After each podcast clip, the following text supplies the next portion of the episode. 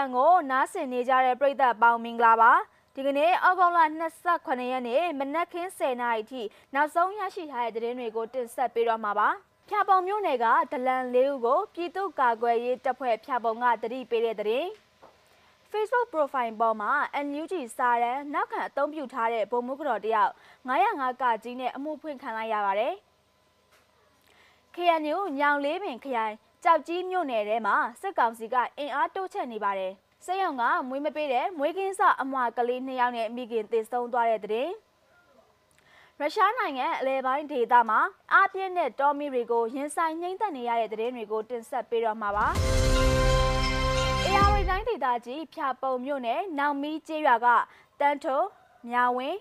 အေးတောင်ကျင်းဝမ်းဆိုသူ၄ဦးတို့ကိုဖြာပုံမြို့နယ်ပြည်သူ့ကာကွယ်ရေးတပ်ဖွဲ့က တနက်နှစ်လက်နဲ့စာတစောင်ရေးသားပြီးတော့ဩဂုတ်လ26ရက်နေ့ညနေပိုင်းမှာ Facebook စာမျက်နှာကနေတဆင့်သတိပေးခဲ့တယ်လို့သိရပါတယ်။ခမားတို့ရဲ့ယွန်စရာကောင်းတဲ့လောက်ရက်တွေကိုရက်တန်းကရက်ပါမလိုက်နိုင်ခဲ့ရင်ခမားတို့ရဲ့အသက်နဲ့ဘဝတွေအတွက်လုံးဝလုံးဝတာဝန်ယူမှာမဟုတ်ပါကြောင်းအီစာနဲ့တတိပေးလိုက်ပါတယ်လို့ရေးသားထားတာကိုတွေ့ရပါတယ်။ ပြီးခဲ့တဲ့ဩဂုတ်လ20ရက်နေ့ကဖျာပုံခရိုင်ဘိုကလေးမြို့နယ်ဗရမ ्या ကုန်းကျေးရွာအုပ်စုရဲ့အုပ်ချုပ်ရေးမှူးဦးဝင်းကိုကိုကိုလည်းကြီးစံတောင်စာတစောင်းနဲ့ဘိုကလေးပြည်သူ့ကာကွယ်ရေးတပ်ဖွဲ့ကတတိပေးခဲ့တယ်လို့လည်းသိရပါသေးတယ်။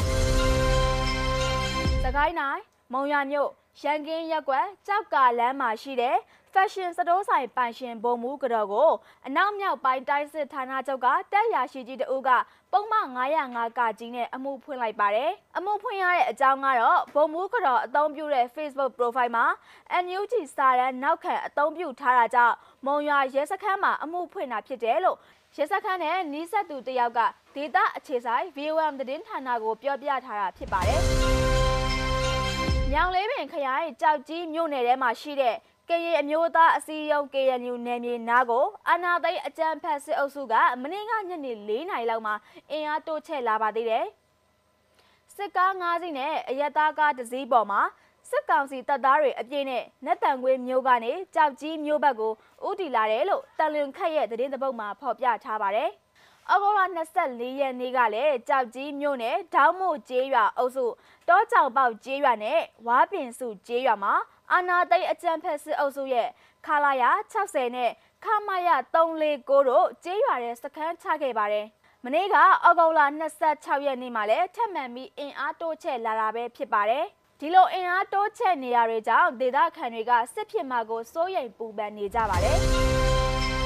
မိထီလာမျိုးနန်းတော်ကုန်းရက်ကွက်ကကိုဝေဆောင်မိခင်တယောက်ကလေးမွေးဖို့ကိုစေးရောင်ကလက်မခံတဲ့အတွက်အိမ်မှာပြန်ပြီးအရက်လက်သည်နဲ့မွေးကြရမွေးဖွားလာတဲ့အမွာကလေးနှစ်ယောက်ရောမိခင်မအသက်ဆုံးရှုံးခဲ့ရပါတယ်။မနေ့ကအောက်တိုဘာ26ရက်နေ့ကတည်ဆုံးခဲ့တဲ့ကိုဝင်ဆောင်မိခင်ဟာမီးဖွားလိုတာကြောင့်မိထီလာစေးရုံကိုတွားခဲ့ပေမဲ့ စေးရုံမှာကလေးမွေးပေးလို့မရကြောင်းနဲ့နေပြည်တော်ကိုသွားပြီးမွေးဖို့ကိုသာစေးရုံကပြောခဲ့တယ်လို့ Rand News သတင်းအေဂျင်စီမှဖော်ပြထားပါတယ်။နေပြည်တော်ထိသွားဖို့အဆင်မပြေလို့အိမ်မှာပဲမွေးလိုက်ရတဲ့အတွက်အခုလိုတည်ဆုံးခဲ့ရတာပဲဖြစ်ပါတယ်။ဆက်လက်ပြီးတော့ရုရှားနိုင်ငံအလဲပိုင်းမှာလောင်ကျွမ်းနေတဲ့အင်အားပြည့်တဲ့တော်မီကိုရင်ဆိုင်နှိမ့်သိမ့်နေရတဲ့နိုင်ငံတကာသတင်းတစ်ပုဒ်ကိုလည်းတင်ဆက်ပေးကြပါမယ်။ ဩဂုတ်လ25ရက်ဗုဒ္ဓနေ့ကရုရှားနိုင်ငံအလဲပိုင်းဒေသတွေမှာပုံမှန်မဟုတ်တဲ့အပူလိုင်းရိုက်ခတ်မှုကြောင့်အားပြင်းတဲ့တောမီတွေကိုရင်ဆိုင်နှိမ့်သက်နေရပါတယ်။ရာသီဥတုပြောင်းလဲမှုနဲ့ဆက်နွယ်တဲ့ဒီတောမီတွေဟာနွေရာသီတစ်လျှောက်လုံးစိုက်ဘေးရီးယားဒေသကတစ်တောတွေကိုဝါမျိုးဖျက်ဆီးခဲ့ပါတယ်။ Spot Lobs ရဲ့ယူရတောင်တန်းဒေသကနေရာ15ခုမှာလောင်ကျွမ်းနေတဲ့တောမီတွေကိုနှိမ့်သက်နေကြရကြောင်းရေးပေါ်ချင်းတွေတုံ့ပြန်ဆောင်ရွက်ရေးဝန်ကြီးဌာနကဆိုပါတယ်။ဥရောပနဲ့အာရှတိုက်ထိစက်ရနယ်နိမိတ်ပေါ်မှာရှိတဲ့ဒီဒေသဟာအပူလှိုင်းကြောင့်ပြင်းထန်တဲ့မိဘေးအန္တရာယ်ကိုရင်ဆိုင်နေရတယ်လို့ဆိုပါတယ်။ဩဂုတ်လ24ရက်အင်္ဂါနေ့ကလူမှုကွန်ရက်စာမျက်နှာပေါ်မှာတင်ထားတဲ့ဓာတ်ပုံတွေမှာဒေတာတွင်းမြို့တော်ရေခတ်တရင်ဘူးအာတ်နဲ့ UL တောင်ပေါ်မြို့ပန်းကြားကအဝေးပြေးလမ်းမကြီးရဲ့တစ်ဖက်တစ်ချက်မှာမီးတောင်မီးရှန်တွေကိုမြင်တွေ့ရပြီးလမ်းမကြီးကိုတနေ့လုံးပိတ်ထားခဲ့ရတယ်လို့သတင်းတွေမှာဖော်ပြပါရှိခဲ့ပါတယ်။မော်စကိုရဲ့အရှိတ် Nizhny Novgorod ဒေသမှာလောင်ကျွမ်းနေတဲ့တောမီဟာနေချင်းကက်ရက်ကမော်ဒိုဗီးယားကိုအားပြင်းပြင်းနဲ့ကူးဆက်လောင်ကျွမ်းနေချိန်မှာရုရှားကာကွယ်ရေးဝန်ကြီးဌာနရုရှားနေကြားဆောင်တပ်ဖွဲ့နဲ့ရေးပေါ်အခြေအနေတုံ့ပြန်ဆောင်ရွက်ရေးဝန်ကြီးဌာနတို့ပူးပေါင်းပြီးလေရင်6စီးနဲ့ရေတန်ချိန်129တန်ကိုကျဲချနှိမ်သက်ခဲ့ရပါတယ်။ဩဂုတ်လ24ရက်အင်္ဂါနေ့မှာသမ္မတပူတင်ကနိုင်ငံပိုင်တစ်တော်တွေကိုကာကွယ်ဖို့ဒေါ်လာတန်းရာချီသုံးစွဲသွားမယ်လို့ကတိပြုလိုက်ပြီးစိုက်ဘေးရီးယားဒေသကိုဝင်းပက်လောင်ကျွမ်းခဲ့တဲ့ကျုံတော့ကျုံခဲ့ဒီတော်မီလောင်ကျွမ်းမှုတွေကနေတနိုင်ငံလုံးကသင်ခန်းစာယူကြဖို့ပြောကြားလိုက်ပါတယ်အခုဒီဒေသတွင်းကနေရာ90မှာတော်မီလောင်ကျွမ်းနေသေးပဲလို့အရေးပေါ်ခြေနေတုံ့ပြန်ဆောင်ရွက်ရေးဝန်ကြီးဌာနကဗိုလ်ရူးနေကထုတ်ပြန်လိုက်ပါတယ်နားဆင်